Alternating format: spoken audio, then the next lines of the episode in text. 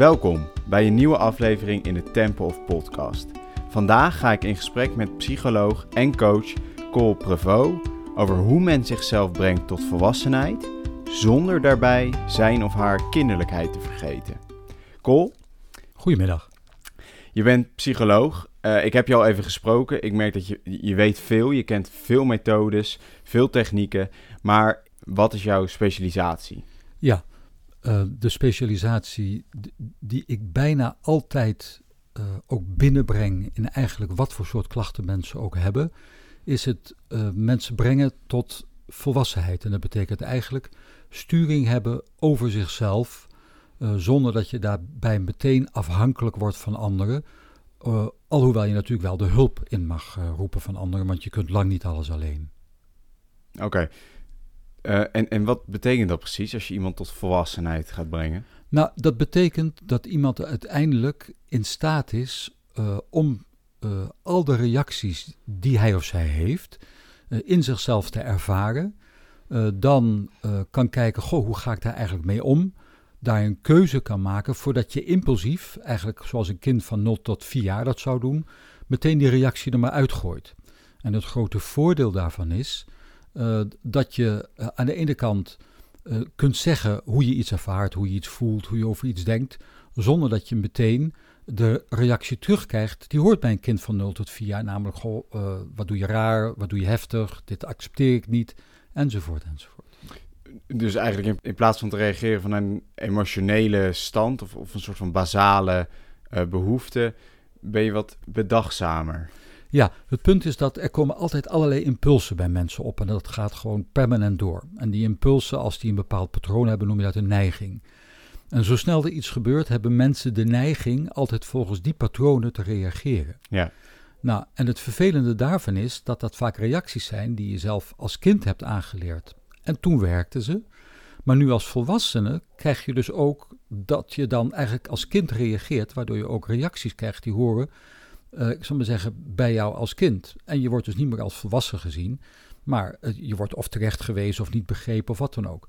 En de bedoeling is dat je in staat bent om die eerste impuls die bij je kom, bovenkomt, eh, heftige emotie, woede, pijn, verdriet, om met name bij woede en waar het gaat over dat je boos bent op een ander, eerst even contained. En de containing-functie betekent dat je in staat bent om dat wat er in je opkomt even in jezelf te houden, alsof het in een soort vat zit, een container. En daar kun je omheen lopen en kijken wat zit erin en wat wil ik daarmee en wat betekent dat eigenlijk en waar komt het vandaan. En want een kind is actie-reactie. Als het geslagen wordt, slaat het meteen terug. Als er speelgoed afgepakt wordt, pakt het meteen terug. Maar wij als volwassenen, als we dat doen, zijn dus niet authentiek, maar zijn gewoon 0 tot 4 jaar. En dat zijn we niet, want we zijn volwassen. Dus mensen moeten eh, gaandeweg leren dat ze eh, hun primaire reacties eerst even bekijken. En dat kunnen dingen zijn als tot tien tellen en dergelijke. En dan koop je tijd voor jezelf. Je kunt even naar het toilet gaan, je kunt even een kopje koffie pakken. En dan kijken, wat gebeurt er nou eigenlijk met me? Waar ben ik nou zo boos over? En hoe wil ik dat naar buiten brengen?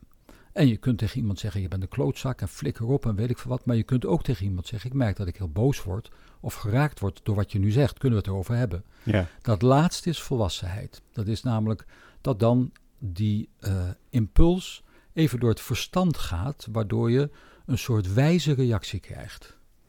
En is dat ook het grote, het grote voordeel dat het brengt? Dat er meer wijsheid bij komt? Nou ja, het voordeel is dat je dus en, ik zal maar zeggen, je meest primaire gevoel en emotie en neiging van jezelf niet hoeft weg te drukken. Dus het mag er zijn, het hoort ook bij je. Hoe lelijk het ook eventueel is. Je kunt ook denken van val dood. En soms kun je ook echt dat gevoel hebben wat zo heftig is dat je denkt wil je nooit meer zien of ik wil nooit meer iets met iemand te maken hebben of zo. Dat is de eerste instantie het, de, de impuls die er is. En dat is helemaal niet wat je eigenlijk bedoelt. Je bedoelt iets anders. Uh, dus je hoeft en je, je, ware gevoel niet weg te stoppen, maar tegelijkertijd hoef je ook niet uh, als een kind van 0 tot 4 jaar dat gevoel zomaar te uiten, waardoor je in de relatie dingen beschadigt. Oké. Okay. Stel je nou voor, ik ben iemand die, die heel erg vanuit die kinderlijke patronen nog reageert en, en vanuit die hè, primitieve impulsen. En ik kom naar jou toe. Hoe ga je dan aan de slag? Heb je een bepaald stappenplan? Ja, waarmee je mij tot volwassenheid brengt? Ja, het stappenplan is eigenlijk dat ik eerst een intake doe. In de zin van, goh, met wat voor problemen loop je eigenlijk? Uh, waar loop je in jezelf tegenaan of met andere mensen? Um, heb je daar wat aan gedaan? Uh, bestaat dat lang? Waar komt het eventueel vandaan? Nou, al dat soort zaken zoeken we uit. Ik kijk dan met name ook, hoe is je frustratietolerantie? Dus kun je er tegen dat dingen niet gaan zoals je gaat? Hoe is je angsttolerantie? Kun je een beetje een mate van onzekerheid en angst verdragen? Hoe is je realiteitstoetsing? Dus snap je het verschil tussen werkelijkheid en uh, fantasie? Hoe is je zelfacceptatie? Uh, kun zou je ook lelijke dingen van jezelf kunnen zien? Ben je in staat tot impulsbeheersing? En dus als we in gesprek gaan, trek je me als het ware niet over mijn werktafel heen.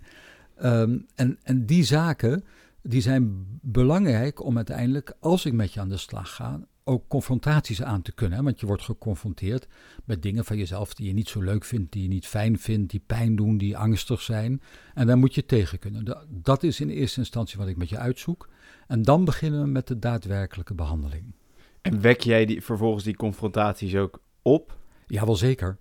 Uh, ik hoorde ooit van mijn pleegvader, een wijs uh, psycholoog die bevriend is geweest met Jung.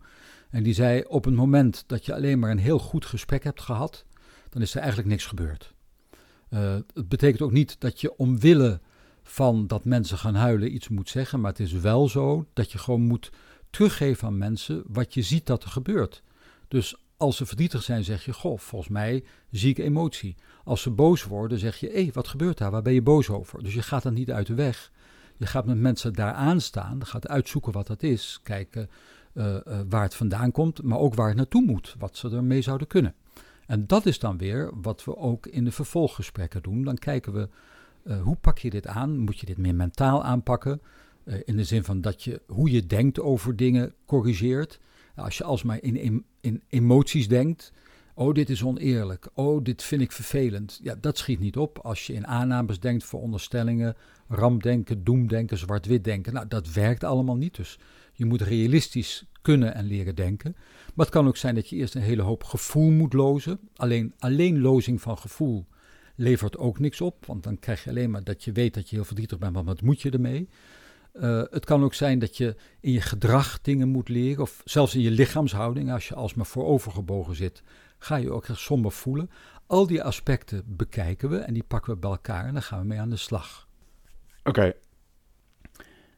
Toch, een beetje, toch een beetje, want ik denk dat het een, ik, ik snap de, het, het voordeel van. Hè. Ik snap dat het, dat het beter is om niet gelijk vanuit een impuls te reageren, maar even de rust te bedaren en dat daar veel mee te winnen valt.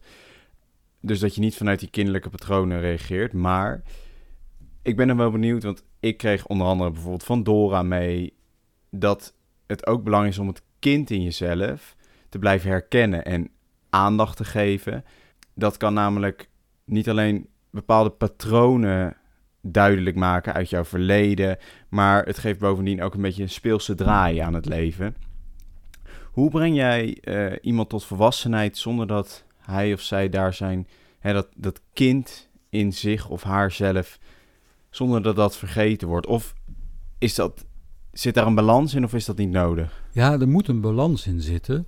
In dat je uh, op het moment dat je volwassen reageert, ook uh, wat we dan noemen het kind in je, maar dat is eigenlijk gewoon de homo ludens, de spelende mens in je, ja. uh, uh, meeneemt. Zou je dat niet doen, ja, dan word je een soort dominee voor jezelf. Weet je, dan, dan heb je te veel regeltjes voor jezelf en is de hele speelsheid weg. Zit je alleen maar in de speelsheid, ja, dan kom je tot niks. Dan kan er geen doelgerichtheid zijn, dan is het alleen maar actie-reactie op het hier en nu. En dus die combi is altijd heel belangrijk. Alleen heel veel mensen zeggen tegen zichzelf en dat leren ze ook. Je moet authentiek zijn, je moet jezelf zijn. En dan verwarren ze dat met alleen maar dat kind.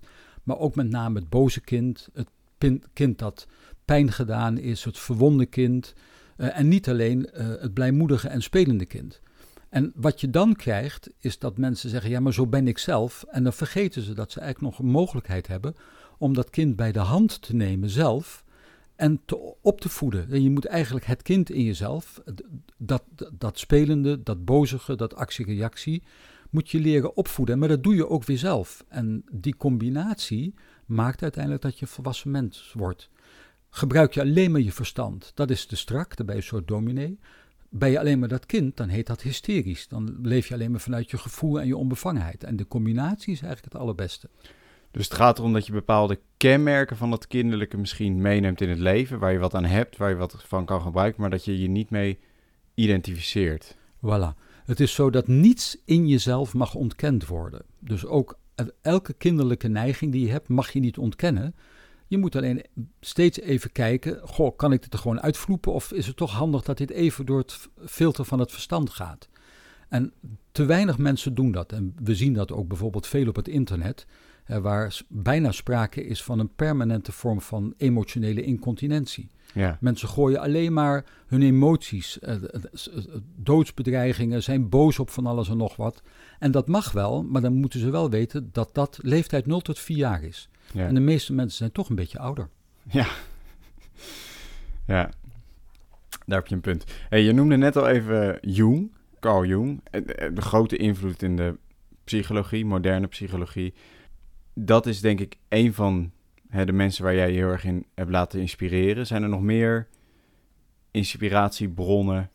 Ja, nou Jung is een inspiratiebron omdat hij een van de eerste uh, psychiaters was die uh, inzag dat uh, een mens bestaat uit meer aspecten dan alleen maar het psychische, en namelijk het religieuze en het spirituele en het medische. Hij was zelf ook zenuwarts, hij was ook arts. En hij zei: Je moet uiteindelijk, als je iets uh, geanalyseerd hebt bij iemand en iets is duidelijk geworden, dat doe je door even dat te highlighten, door daar een onderwerp van te maken. En dan trek je het als het ware uit iemand en je moet het ook weer terugzetten. Dat heet synthese. Nou, dat is één ding wat ik heel belangrijk vind. Het is niet zo dat als mensen zich iets bewust worden, dat ze dan ook meteen weten wat ze ermee moeten. Daar moet je dus ook nog mee aan de slag. Ja. Dus wat ik doe is ook oplossingsgericht bezig zijn. Wat ik ook doe is gewoon gedragsmatig bezig zijn. Welk gedrag hoort dat dan bij en kunnen we het oefenen? Uh, ik ben ook heel geïnspireerd door wat we noemen de cognitieve psychologie, namelijk hoe we denken. Uh, en er wordt vaak gezegd: nee, je moet je gevoel volgen. Nou, in sommige situaties niet. Dan moet je juist je verstand volgen. Maar verstand is iets anders dan denken. Hè. Denken is eigenlijk de hele dag praten met jezelf. En in dat praten zeg je de dingen die kloppen, maar ook de dingen die niet kloppen. Namelijk, dit lukt me niet, dit kan ik niet, oh, hier ben ik bang voor. Hè, dus je zegt zin en onzin tegen jezelf. En die onzin bestaat onder andere uit aannames en veronderstellingen. En dat weet je allemaal niet, maar daar ga je wel in geloven. Nou, nadenken betekent dat je eigenlijk bewust wordt van welke zin en onzin je de hele dag tegen jezelf zegt. En daar pas je natuurlijk ook je gedrag aan aan. En wat je de hele dag tegen jezelf zegt. En als je zegt, ik kan het niet, ga je het ook niet doen. En logisch nadenken betekent dan dat je die onzin die je tegen jezelf zegt, corrigeert aan de hand van de feiten. Nou, dat is een methode die voor bijna iedereen werkt. Je kunt met cognitieve gedragstherapie, dus op, op die manier uh, logisch en rationeel leren denken, naast gewoon uiteraard natuurlijk voelen. Dat is de ene kant. Uh, en ook het aanleren van bijbehorend gedrag als volwassene. En dat is heel leuk. Uh, want leer maar eens als kind fietsen en zo, dat vind je ook heel leuk. En als volwassene dingen leren is net zo leuk eigenlijk. Ja. Nou, en dat is dus ook een hele belangrijke inspiratiebron voor me om om niet alleen, ik zal maar zeggen, vanuit het gevoel bezig te zijn en vanuit de synthese dingen weer terugzetten, maar ook vanuit het denken en ook vanuit het gedrag. Dus eigenlijk alle loten die we hebben in de psychologie, je, je, hebt, je hebt de psychodynamische theorie, die gaan dus uit van wat er in je gebeurt. Je hebt de systeemtheorie, die gaan ervan uit wat er met jou gebeurt in systemen, in gezinnen, in families. Je hebt groepstherapie, dat is wat er met jou gebeurt in algemeen in groepen tussen mensen. Je hebt de gedragstherapie. En je hebt de, cognitieve therapie, die gaat over hoe we denken. Al die vormen uh, heb ik belangrijk gevonden en daar ben ik uh, in getraind en heb ik veel in gewerkt. Heb ik veel ervaring mee en ik pak ze allemaal samen. Het is onmogelijk om eigenlijk één ding te doen. Maar het verschilt neem ik aan wel per persoon aan welke methode jij wat meer gewicht hangt. Ja, dat, dat is een beetje afhankelijk van waar iemand mee komt, hè, de klacht waar iemand mee komt. En ook de, de vaardigheden die hij misschien nog niet heeft. Want als iemand niet de vaardigheid heeft om logisch na te denken, moet je dat wel iemand leren. Althans, iedereen heeft vaak die mogelijkheid wel, maar heeft zich die vaardigheid onvoldoende of incorrect aangeleerd. Nou, daar moet je mee aan de slag. Dus afhankelijk van wat iemand nodig heeft, kijk ik ook wat ik inzet. Wat wel belangrijk is, je hoort bijvoorbeeld op dit moment weer dat alles systemisch is. We werken systemisch, wordt er dan gezegd. Uh, maar dan pak je maar weer één stukje. Alles is wel systemisch, maar alles ook individueel. Want elk individu bestaat in een systeem. En er zijn dus meerdere individuen die samen iets doen. Die hebben invloed op elkaar, maar ze hebben ook invloed in zichzelf. En daardoor hebben ze ook weer invloed op elkaar. Dus je kunt dat niet loskoppelen. dat is eigenlijk iets wat je alsmaar ziet in, in psychologieland en coachland, dat dat alsmaar losgetrokken wordt. En dan zijn we in één keer jarenlang alleen maar ons brein. En dan is weer alles systemisch. En dan in één keer moet alles weer individueel. En dan is het allemaal weer cognitief. Hij zit in ons denken. En dat is onzin. Het is altijd alles bij elkaar. Maar per persoon verschilt natuurlijk daarin hoe dat precies verdeeld is. Ja. Wat is een vaak voorkomend patroon in jouw werk, wat je bijna altijd terug ziet komen? Nou ja, dat is eigenlijk waar we het uh, uh, nu over hebben. Uh, dat, dat, je ziet dat mensen vaak uiteindelijk, als het erop aankomt, onder druk de neiging hebben om te reageren vanuit dat kinderlijk patroon wat ze zich vroeger hebben aangeleerd en wat nog niet gecorrigeerd is. Dus actie-reactie. en het tweede is eigenlijk dat je ziet dat heel weinig mensen precies weten wat de techniek is van het perspectief nemen. Hoe je eigenlijk afstand kunt nemen op jezelf en kunt leren naar jezelf te kijken vanuit neutrale schoenen of vanuit je eigen schoenen of vanuit de schoenen van de ander en kijken naar wat ben ik nou eigenlijk aan het doen en wat is de ander aan het doen. En dat afstand nemen maakt dat je veel meer ziet van jezelf. En ook bijvoorbeeld allerlei dingen waarvan je denkt: oh, doe ik dat? Dat is niet zo leuk. Of oh, zeg ik dat op die manier? Wauw, dat ik niet eh, door een ander meteen uitgescholden word. Nou, dat is wel bijzonder. En dus dat perspectief nemen, dat is eigenlijk iets wat heel weinig mensen echt is geleerd. Er zijn wel mensen die dat gaandeweg uh, door therapie en, en ook uit het leven uiteraard leren. En de meeste mensen hebben daar wel een idee bij, maar dat echt, hoe je dat moet doen. En dat je, dat ook belangrijk is om regelmatig toe te passen op jezelf. Dat is iets dat kom ik bijna altijd tegen, dat dat onvoldoende ontwikkeld is. En als de luisteraar nou zoiets heeft van, nou, dat zou ik wel willen trainen, is er een manier waarop ik dat, hè, dat perspectief op mezelf kan trainen? Ja, dat is uiteraard wat ik, wat ik um, samen met mensen doe. En een leuke oefening die ik hier wel kan vertellen, is wat je kunt doen, uh, is als je bijvoorbeeld eens een gesprek met iemand hebt gehad, uh, visualiseer nog eens een keer dat gesprek en uh, hou gewoon je ogen dicht en kijk eens naar jezelf van wat deed ik eigenlijk in dat gesprek. En kijk eens hoe voelde dat voor mij. Dus dat, dat je je eigen emoties, gedachten nog eens een keer daarop terughaalt. Dan ga je in de schoenen van de ander staan. Dus dan geef je een time-out aan jezelf. Je, je, je verplaatst je in gedachten in de schoenen van de ander. En gaat vanuit de ogen van de ander kijken naar weer dat gesprek. Wat ziet de ander mij doen? En dan zul je merken dat je in staat bent, als je dat een beetje oefent, om je te realiseren, nou, de ander ziet nu kennelijk iemand die, die, die hem onder druk zet, die dominant is, of, of, of die juist heel zeurderig is. Nou, al, al naar gelang wat er aan de hand is, wat misschien niet zo handig is, want als je dingen handig doet, ja, dan hoef je natuurlijk dat niet bij jezelf te corrigeren, maar elk gedrag wat eigenlijk onhandig is, dat zie je dan ook wel van jezelf. Nou, en dan de derde stap in die oefening is dat je uit de schoenen van die ander stapt en een meter of zeven visualiseert dat je van beiden afgaat, van jezelf en van die ander, en in neutrale schoenen gaat staan. En kijk, wat zijn die twee eigenlijk met elkaar aan het doen? Ja. En dat je je dan afvraagt, goh, wat zie ik ze doen?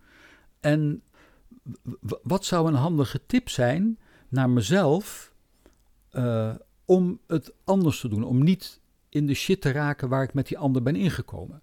Dan ga je weer naar je eigen schoenen toe. Uh, en uh, dan kijk je nog een keer naar het gesprek. Maar dan herhaal je die tip aan jezelf. En dan kijk je, dan visualiseer je en je bedenkt: goh, hoe zou ik het dan doen? Dan open je je ogen en schrijf je het op. En dan zul je merken dat je in staat bent om de posities van de, mensen die in het gesprek uh, zaten veel helderder te begrijpen, ook beter in te voelen. Maar je bent ook in staat om te zeggen: hé, dit deed ik onhandig. In het vervolg kan ik het beter zus of zo doen, want als dit de reactie van de ander is, ja, dat is niet handig. Dat effect wilde ik niet, dan moet ik het anders doen. Dat is een hele interessante oefening. Ja, dat, we doen hem veel ook bij trainingen. En voor veel mensen is het een eye-opener. En hij kan zelfs, je kunt hem zelfs bij Zoom doen. Ja. Uh, hij kan zelfs online. Maakt niet uit, omdat je je gewoon visualiseert dat je het doet. Hè. Dus waar je ook bent, je kunt het overal doen. Ja. Ja. En je kan het doen bij gesprekken waarvan je denkt van oeh, dat had beter gekund. Maar je kan het ook doen bij gesprekken waarvan je misschien denkt, oeh, daar was ik echt scherp of wat dan ook. En want dan kan je, dan kan je nagaan wat het dan is wat zo positief was aan dat Ja, gesprek. Je kunt ook nog een keer bij jezelf kijken. Goh, dit gesprek ging- zo goed. Wat deed ik dan nou precies waardoor het zo goed ging? Ja, En interessant daarbij is te weten dat 95% van wat we doen, doen we onbewust. ja, Er zijn eindeloos veel boeken over geschreven. Freud was een van de eerste die het principe van het onbewuste eh, inbracht in de psychologie. Althans, daar echt een ding van maken. Collega's voor hem hadden dat al wel eens aangestipt. Maar hij pakte dat op. Eh, maar we weten nu eh, dat eigenlijk 95% wat we doen, gewoon door heel veel psychologische onderzoeken, Hm. eh, eigenlijk op de automatische piloot gaat. Maar dat is prima, want het is een overlevingsmechanisme. ja, Alleen dat overlevingsmechanisme zorgt ervoor dat je ongeveer een beetje voldoende net aan door het leven vegeteert. ja. Ja, en dat, dat kan, maar dat is niet heel gezellig. Nee, Dus wil je het beter doen, dan moet je je bewust worden van die dingen die maken eh, eh, dat het maar zo gemiddeld blijft. Of, of, of dat je steeds tegen dezelfde patronen aanloopt. Maar dat je weet dat als ik vlucht of als ik maar even vecht, dan kom ik er weer uit. En dan moet je je bewust worden van jezelf. En dat bewust worden, eh, dat is eigenlijk een lastig ding, omdat ons brein gewoon standaard op uitstaat. Dat staat eigenlijk op die automatische piloot. Dus wil je dat aanzetten, kost dat steeds energie. En om dat te ervaren, eh, de, eh, de luisteraar die dit nu hoort, eh, zou ik kunnen vragen: Goh, reken eens even heel snel uit: 13 maal 39. Nou, als je dat doet, dan zul je merken dat je jezelf even aan moet zetten. Ja. Dat betekent dat je daarvoor dus uitstond op die automatische piloot. ja, En die automa- automatische piloot kun je ook ervaren. Heel veel mensen die bijvoorbeeld in een auto naar huis rijden, die komen thuis en denken: Jeetje, hoe ben ik nou eigenlijk thuisgekomen? En dat heb je helemaal niet meer in de gaten. Je bent toch, althans meestal, in heel veel gevallen kom je dan toch veilig thuis. Eh, eh, en dan heb je ook op die automatische piloot gezeten. Ben je eigenlijk onbewust naar huis gereden. Nou, dat speelt overal. En wat essentieel is, is dat je dus bewust wordt van jezelf, van je eigen gedrag. Maar vervolgens ook leert, wat moet ik daarmee? En die beide dingen, die doe ik. dus dan word je op een bepaalde manier toch bewust van het onbewustzijn. Ja, en het, het vervelende is dat dingen die we onbewust doen en waarvan we denken, ja, dat kan toch niet, dat doe ik niet. Dat voelt vaak krenkend om daar bewust van te worden. Dus Ja. mensen willen daar een beetje voor weglopen en vinden het niet fijn. En dat is waarom je dat een confrontatie noemt. Mensen worden dan geconfronteerd met iets waarvan ze denken, ja jeetje, maar zo raar doe ik toch niet? Ja, dus wel. Ja, Als je bij jezelf dat oordeel kunt weghalen, vandaar dat ik bij zo'n intake vraag naar zelfacceptatie. Als je kunt zeggen, oh ja, dat hoort dus bij mij, kennelijk doe ik dat ook. Maar je bent nieuwsgierig en je vraagt je af, en nieuwsgierigheid hoort bij dat kind, bij dat spelende kind. Je vraagt je af, god, wat zou nou toch maken dat ik dit doe? Dan in één keer leer je jezelf beter kennen en dan, dan eh, kun je ook beter met jezelf omgaan. En dan kun je jezelf, mocht je je heel erg schuldig om voelen, zelfs vergeven over dat wat onhandige gedrag. ja. Maar onhandigheid doen we allemaal. Onhandigheid doen we allemaal. Ja. Dat vind ik een hele mooie om mee af te sluiten. Cool. Dankjewel, Paul. En dank eh, voor dit interview. Jij ook bedankt. En eh, ik vond het echt heel interessant. En een goede, leuke oefening ook van dat gesprek. Ja. Ja. Ja. ja. Dankjewel, Cole. En natuurlijk bedankt voor het luisteren. Tot de volgende keer.